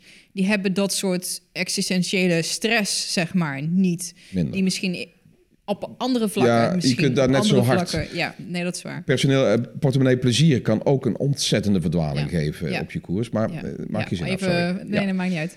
Ehm, ik kan me voorstellen dat dat ook lastiger te bereiken is, die groep. Die een beetje op het randje zitten, die in de survive-stand staan en niet in Ja. de thrive-stand. Als je een beetje naar die Ik- twee ik, dacht hetzelfde. Ehm, het- het- tot nu toe lijkt de keerzijde het geval. Die, ze hebben, die zijn zo vatbaar en zo ontvankelijk voor groei. Een van de eerste dingen die ik moest leren toen ik coachingsmodules aan het inspreken was hè, op camera, ehm, is dat een, een beetje blue collar één keer per jaar een gesprek heeft met een chef, baas, Ja. coördinator, planner. En die zegt, stel dat de chauffeur is, nou, goed gereden, niet te veel gas geven, een beetje zuinig hè, en, en, en zorg dat je geen schaai rijdt. Hè, voor de mensen die Zoals hier Brabant... in Brabant. Ja, ik ook in. Brabant, ja. Dan denk ik van, is dat de enige binding die iemand heeft met... En nou zijn we kleine eh, interventies aan doen waar ik mensen begeleid om wat meer energiebewust te zijn, wat meer richting eigen regie te groeien, jouw verantwoordelijkheden. En dat wordt ontvangen en geapprecieerd alsof een, een, een nest jonge vogeltjes die naar piertjes zitten. ja. Dat is heel gaaf. Dus Eh, ik dacht dat het wat moeilijker werd, omdat dan die spagaat misschien een, eh, een struggle in life maakt dat persoonlijke leiderschap wat, wat lager op de... Hè? Je moet eerst ja, eten, drinken. Je, ja, je moet zorgen dat je ja, veilig dan ga je bent. Ja. Je naar beneden. Eh, en dat is, dat is niet waar. Ik, ik wil niet zeggen dat het makkelijker wordt, want ik stel dat ik jouw pa eh in eh, 20 jaar geleden bij Ratelband naar binnen had gefietst van we moeten gewoon een attitude change en we gaan hem halen over de hete Ja, kolen. die heeft natuurlijk wel op televisie voorbij zien komen, maar... Nou, ik ben benieuwd wat zijn mening was over, over die, want daar gaat er niemand. Ik, ik ehm, punt. Sorry. Nee. Nou ja, dat, ehm, de, de eye-opener was van, goh, weet je, nu, nu snap ik misschien ook wel waarom dat zo lastig... Ja. Ook, maar ook voor hem. Ik kan me heel goed voorstellen dat dat, dat het voor hem moeilijk in te beelden is. Dat dat... ehm, Ik denk dat je zo murl geslagen kunt zijn door het Ja. leven dat het alleen maar watertrappelen is. En eh, zoiets als, als introspectie en mission statements en goals, waar ik heilig van overtuigd ben dat dat werkt. Dan moet je wel de goesting nog voor hebben, de energie. Als je helemaal gebutfukt door het leven, vrijdagavond thuiskomt, de kinderen zijn net op bed en eh, je bent alleen en je bent kapot en je ziet er niet meer uit omdat je helemaal dan denk ik van ja, hey, eh, een van de dingen die mijn kompasnaald beïnvloedt is intimiteit. Ik wil graag een partner, maar ik heb nou geen zin meer. Ik wil nou niet dat iemand mij ziet. Dan kan, er voor, dan kan het eh, toe leiden dat je het niet gaat daten. En door het niet daten krijg je dus weer die Ja. intimiteit niet. En dan zit je in een eh, visueuze, eh, visieuze, Visueuze, visuele, visueuze. visuele cirkel. Dat is een nieuwe. Die moet ik eens eigenlijk... eh, visieuze cirkel waar je dus niet uitkomt. Ja. En ehm, Dan kan er iemand heel vrolijk aankomen zitten. Nee hoor! kom je met je groeiboek. Ja, dit is hoe we het Ja. doen. Ja, dat verhaal, dat overvloed en schaarste. ehm, ja, sorry paps. Ja, dat is wel een dingetje. Het kan wel. Ik denk dat iedereen te redden is. Ehm, je hebt project Rotterdam. Ik heb pas, ik kijk niet meer zoveel tv.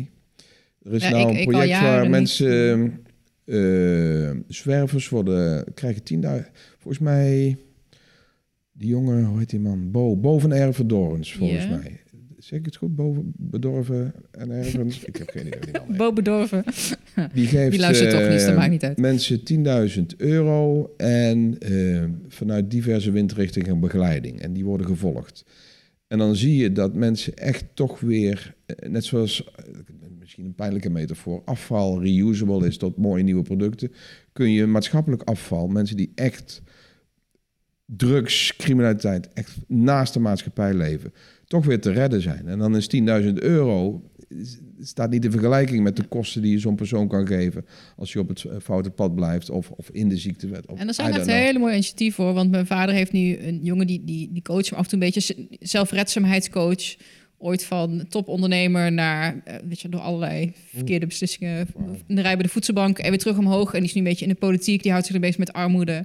En ook zelfredzaamheidscoaching voor mensen. Er zijn prachtige initiatieven. Maar goed, dat is een enorm politiek logapparaat ook. Waar je dan mee te maken hebt als je daar nog dingen wil, eh, wil veranderen. Maar ehm, Oh, die zag ik niet aankomen dat we het hierover zouden gaan hebben. Over armoede en eh, armoedebestrijding. ja, Oh, een dingetje. Wat is jouw grootste ehm, leer, of jouw grootste inzicht geweest in de afgelopen jaren? Nee? Oh jee. Ik vind het heel erg leuk om naar valkuilen en, en hoogtepunten te vragen. Als het gaat over storytelling. Oh mijn god, geen. ehm, ik denk, ik ben ehm, een van de goeroes waar ik de laatste jaren eh, het meest van onder de indruk ben, is eh, Marshall Goldsmith. Hij is in Nederland bekend geworden door het boek What Got You Here Won't Get You There. Dus Mhm, eigenlijk over ja. hele grote eh, bazen die op een bepaalde plek ook van zichzelf zijn afgegroeid en op een bepaalde plek zijn gekomen door een skillset. En op die plek waar ze nu zitten juist weer niks meer hebben aan die skillset en hoe je dan verder moet. En hij is ook boeddhist, super relativerend, hoog op humor, heel veel zelfkritiek. Echt eh, ontzettend leuk om te zien. En die heeft, van die, die heeft me in een paar sessies dat wegwuiven. Oké, adem in. Probeer eens wat vaker eh, vanuit een afstandje te kijken naar de Ja, situatie. daar hadden we het over. Die, die, die, dat, Die, die amygdala, ik, ja. eh, misschien is het mijn leeftijd, misschien is het Donald Trump. Ik, ik, ik zie de wereld dingen doen waarvan ik denk van, oh mijn god, waar gaat het allemaal heen? Influencers, mensen in Nederland waar dus alle jeugd naar kijkt, maar dat gewoon criminele poep. Ik, ik pas weer een nieuwe ontdekt. Eh, ik had in de vorige podcast was ik aan het gif gallen over Femke Louise of die Ameuben, de, de een of ander boefje. Dat, dat, dat tegenwoordig dat daar meer naar gekeken wordt dan Stephen Covey. Je hebt in Amerika... Ja, als je als meisje mooie butt-selfies kan maken en daar uh, dan... Uh... Deze, die hap. Joe Rogan uh, heeft ook een heel grappig ja? stukje Ken je van 6 9 Dat is een rappertje in de You Stayed at Night. Een mannetje van 18. Nou, het is gewoon één grote crimineel. Walgelijk. Het gaat alleen maar over porno en drugs en het rechtvaardigen van het schieten van politie. Nou, dan van, dat, dat zijn tegenwoordig de influencers. Ja. En um, dan ben ik de vraag ook uit. Ik had geen vraag. Het ging over uh, Marshall Goldsmith, wegwijf. Oh, jouw oh, grootste, mijn, je grootste ja, inzicht, ja. ik, word, er steeds bo ik maak me steeds meer zorgen daarover. En Marshall Goldsmith heeft mij geleerd om... Het, het is hele oude positiviteitspsychologie... om mm. afstand te nemen, yeah. dissociëren, kijken wat... Um, maar het helpt me wel om uh, wat meer dingen weg te ademen. Ja. Want anders kun je zo ontzettend zorgen gaan maken over alles wat er gebeurt. Um, en ik ben het meer gaan bekijken als met een bril van de wetenschap. Van oké, wat gebeurt daar? Wat kunnen we van leren? Hoe kan ik zorgen dat er in mijn omgeving niet zoveel getrumpt wordt ja. of uh, gesixnined. En dan sta je meer jezelf de rol van observator toe. Ja, ja, ik, ja, nee, ja, ik zie de, de, te veel zorgelijke dingen. En als ik me daar te veel op laat focussen, word ik zuur. Ja. En ik wil niet zuur zijn, ik wil blijven uh, bruisen. Ja. Toch? Gelukkig leuk, maar, want dat is ja. misschien wel jouw rol. Zeg ik ben een bruistabletje. Ja, een bruistabletje. Um, nou, de laatste vraag. Hoe is het? Ja, volgens mij... Het is vijf kwartier. kan toch niet? Ja, een uur en vijf minuten, Wat sorry. Nee, Hoe lang hadden we? Ik heb geen idee. Ik, ik, ik, ik, moet zo gaan lunchen. moet, ik, ga zo lunchen. Um, nu het stukje, ja, eigenlijk wat je beschrijft is volgens mij meditatie. Dus je, je bewust worden van je gedachten en je ademhaling en ook van een afstandje naar kunnen kijken. En niet helemaal daarmee in die identificatiereeks gaan. Dan is overigens Jan Geurs echt enorme aanrader ja, om te gaan lezen. Ik ga hem zo eens kijken. Um, ben je spiritueel? Oh mijn god. Ik, uh, ik ben Reiki Master. Als dat al een deel van het antwoord is. Ik, ik, ik geloof uh, dat er meer is dan wat, dan wat wij tot nu toe snappen. Dus ik blijf altijd open. Ik geloof dat er energieën zijn. Ik geloof niet in zielen en geesten. Uh, absoluut niet in een goddelijkheid. Ik ben een gepassioneerd atheïst. Ik ben een enorme Ja, Sam Harris heb ik al met je ja. besproken. De, uh, mensen als Christopher Hitchens en Richard Dawkins vind ik smullen. Ik zie ook heel veel gevaar in religie. Ik vind religie voor een deel kindermishandeling zelfs. Het is ook wel een, eh, als je kinderen zo bestookt met oh zo, jouw okay. paradigma's, is dat psychische mishandeling. Want dan zeggen ze, ja, een kind mag zelf kiezen. Maar oh mijn god, als je maar um, een te zwaar hamer krijgt, dan ga je vervolgens ook weer door met dat hamertje. Dus... Um, ik vond uh, de eerste keer dat ik The God Delusion keek, de film van Richard Dawkins, was ik erg geschrokken over hoe dominant zijn uh, islamitische scholen waar ze evolutie leren. Althans, dat beweren ze, maar dat wordt dan vijf minuten gedaan en daarna komt toch weer wat Mohammed ervan vindt. En dan, dat, dat noem je jezelf een wetenschapper en dan geef je les op een, ja, ik weet niet wat het is, een islamitische universiteit.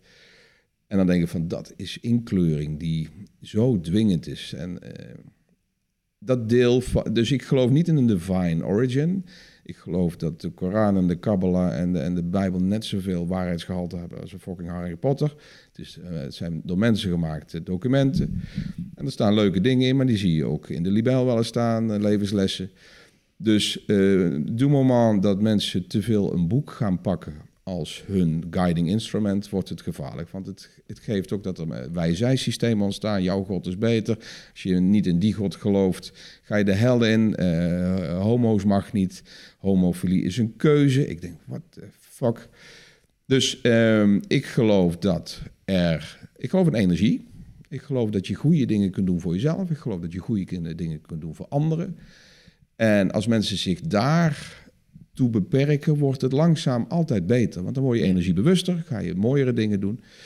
Dus uh, ik vind het geloof eerder uh, een, een, source of evil. in de wereld, helaas. En dan bedoel je de, de, de geïnstitutionaliseerde godsdienst. Dan hebben we het dan, daar met name over. Ik ben altijd blij dat ik, het- dat ik het uit kan spreken zonder eh, te Ja, dat stotteren. is wel een dingetje. Op papier ziet het er makkelijker uit. Du moment dat je Maar gaat in- in dit is onze en- God. ja. En die is beter en die gaat bepalen hoe jij eh, seks hebt, eh, hoe je naar de wereld kijkt, hoe je eet. Dan gaat er, wat mij betreft, iets mis. Want dan ontsla je de mensen vanuit eh, hun verantwoordelijkheidspositie om zelf Ja. bij je kracht te komen en mooie dingen te doen aan je omgeving. En, en ehm, ik zie dus op wereldniveau dingen gebeuren. Waar had ik twee weken terug was ik zo verdrietig. Zie je dan honderdduizenden mensen in Pakistan demonstreren omdat ze een meisje willen ophangen, omdat die schijnbaar iets zou hebben kunnen gezegd hebben eh, over eh, de profeet. Dan denk ik van, ho- hoe doe je dat? Hoe sta je dan op? Hoe neem je vrij van je drukke baan? Bijl je dan je baas op? Want ik ga eventjes eh, staken en protesteren. Is daar een budget voor? Is daar een vakbond in Pakistan die jouw hè, je gemiste omzetderving bij? Ik vind het zo vreemd. Waarom sta je op met zoveel boosheid in je lijf? Omdat een, een virtueel figuur, een door mensen gemaakt object, beledigd zou zijn, wat ook niet helemaal waar bleek misschien. Ik denk, dan, dan zijn we een, een- een bocht ingeslagen. En dat heeft met alle geloven te maken. Hoor. Want nou is hè, de, de, de, de, islam het meest in het nieuws. Maar kijk eens, spoel eens 100 jaar terug of eh, een stukje verder wat wij allemaal, of wij, wat de christenen hebben gedaan. Het is één grote pijn op. Ik wou dat al die boeken in één keer weggevaagd werden. Ik, ik hoop dat we ooit een alien intervention krijgen. Die gewoon eh, een harddisk vol heeft vanaf 5,5 miljard jaar geleden tot nu. Of 4,5 miljard. Ja. En dan kun je gewoon terugspoelen van... Oké, wanneer dacht jij dat hij over water liep? Wanneer dacht dat jij dat hij met een gevleugeld paard... De, hè, nou, dan kun je kijken, dat, zie je, dat, is, net, dat is niet gebeurd. Nou, hè, daarna zijn er mensen dingen gaan schrijven. En dat, dat is wel gebeurd. want Wij hebben die geschriftjes, maar het is allemaal niet waar. En dat we dat in één keer kunnen wegvagen. En dat we bewust worden van... Oké, we zijn hier op een planeet. We moeten een beetje mooi mee houden met elkaar. Eh, we moeten een beetje energie hebben. We moeten niet te veel kapot maken. En laten we dat op een leuke manier doen. En dan, Lijkt me heerlijk dat in één keer al die dingen weg volgens mij beginnen we dan weer gewoon van voren Faber te krijgen. Ja, de mens Want dan eh, creëert vind- wel weer iets nieuws er waar die ruzie ja, over kan maken. Dit maar is het. Dit zijn de. Als we allemaal deze Ja. regels volgen, dan, dan gaan we nooit is- meer de mist in. En dan hebben we weer een nieuw boek wat we kunnen volgen en wat we kunnen het is misinterpreteren. wishful thinking. Ik denk dat de mens in staat is om zelfs, wanneer we religievrij zijn, toch weer iets te verzinnen. Ik denk, Ja. want dan hebben we nog altijd grond en geld waar je ruzie om kan maken. Oh ja, Want ik, ja. Dat is wat mij betreft de drie. G's. Dat is geen G. Dus die vind ik, eh, je gaat ruzie maken om je chickie. Je moet er gewoon... Als jij niet wilt dat u geschiet, blijft toch van je buurmans, buurvrouw stiet. Dat was toch de... Nee, die iets. kende ik niet. Nee, ik- de drie G's, dat is wat mij betreft eh, geld, grond en geloof. eh, de reden waarom er zoveel puinhoop is eh, in de wereld. En wij zijn denk ik eh, u, eh, in staat om dat op, altijd te handhaven, die, dat soort ruzies. Dus stel dat alle geloof weg is, dan eh, vinden we wel weer iets we nieuws. weer iets om, eh, nieuws. ja. Wat dat betreft blijft de mens wel interessant. Toch? Ja. Ik denk dat ik hem ga afsluiten. Is er nog iets wat je, wat je graag gaat willen vertellen? Of waar je denkt van, oh, dit wil ik nog heel graag Ik even had me onder niet voorbereid. Ik, ik, ik vind het leuk. Ik, het ging weer snel. Dat is altijd een indicatie. eh, Ik schrok ja. ook een beetje dat en we hebben allebei een, eh, een bepaalde energie dat je op een verhaallijnen kunt zitten dat je niet meer weet wat de vraag over ging. Dus dat vind ik Je hebt altijd me wel wel gaaf. goed getraind in dit gesprek. Want ik, heb, ben, je, ik ben je daar, daarna minder gaan eh, bestoken met bijvragen. ja, Oké, dat is goed. Dat is fijn. Ik weet niet of dat hey, bedankt voor je tijd. Ik vond het leuk. Ik hoop dat eh, mensen er ook iets aan hebben. tof. En waar kunnen ze je vinden? Gewoon Remco Klaassen. Ja, ik ben makkelijk te Ja, je bent eh, Google en dan eh vinden we dat. Goed, goed. Dankjewel. Graag gedaan.